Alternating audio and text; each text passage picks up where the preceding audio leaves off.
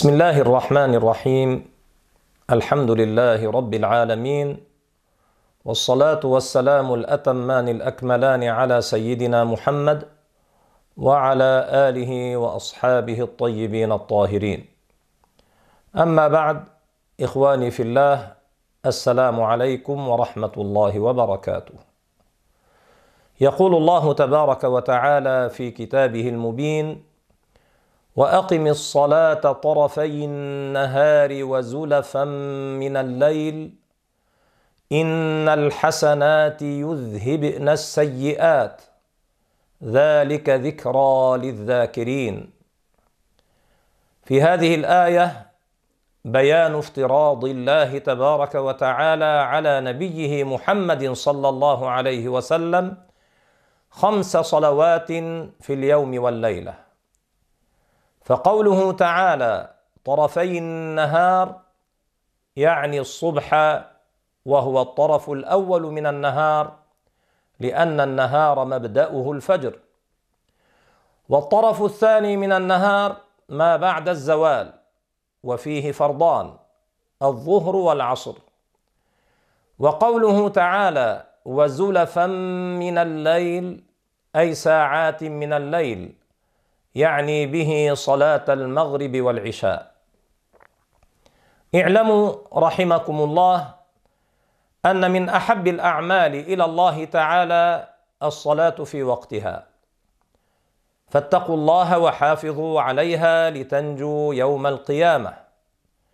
فقد قال رسول الله صلى الله عليه وسلم خمس صلوات كتبهن الله على العباد من جاء بهن بتمامهن كان له عهد عند الله أن يدخله الجنة.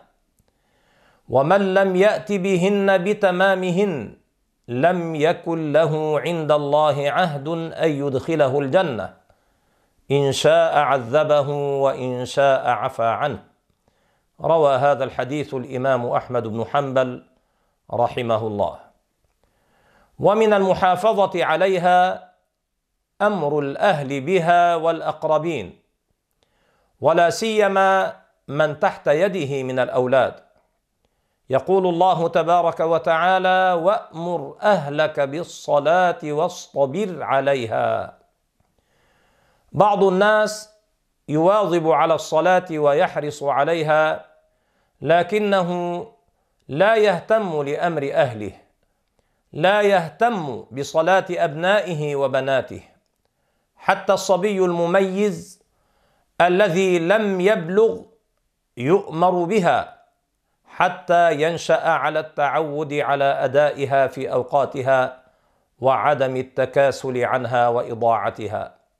فقد ورد في الحديث مروا أبناءكم بالصلاة لسبع واضربوهم عليها لعشر.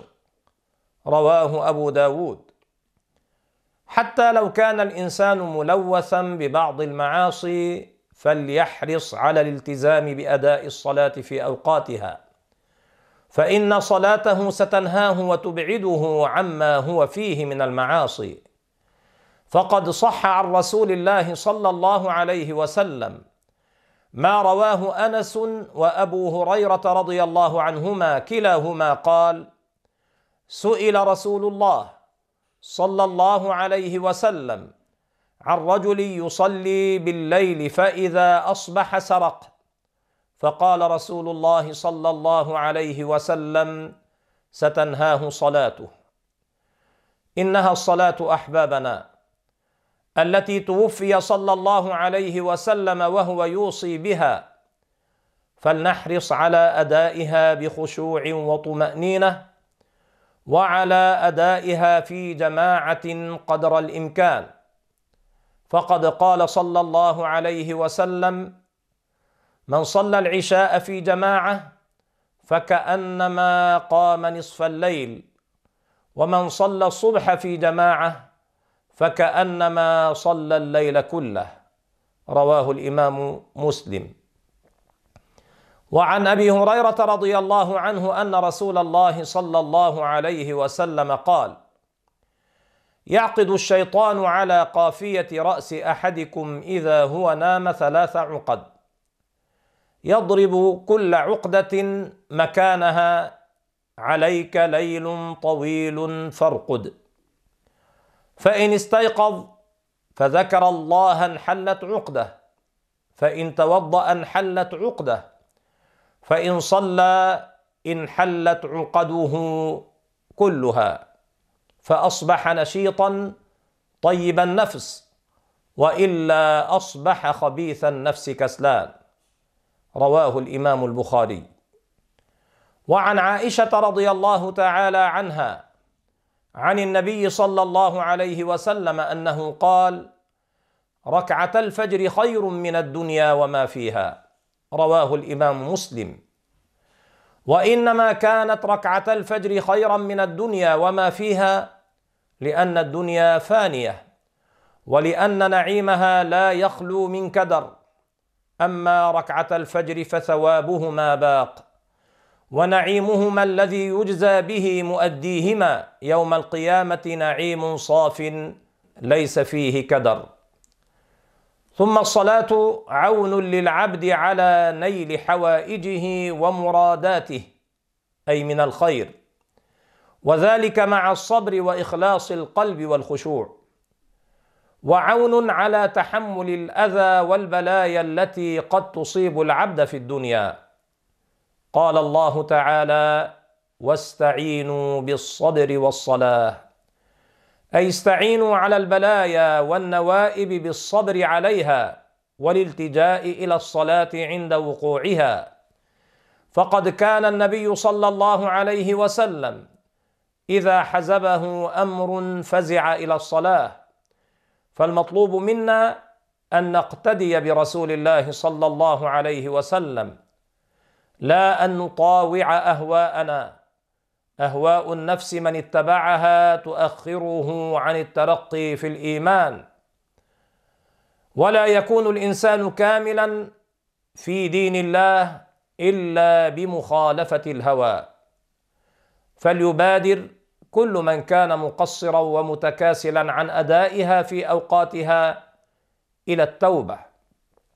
قبل أن يكون في عداد المتحسرين الذين أخبرنا الله تبارك وتعالى عنهم بقوله عز وجل حتى إذا جاء أحدهم الموت قال رب ارجعون قال رب ارجعون لعلي أعمل صالحا فيما تركت كلا إنها كلمة هو قائلها.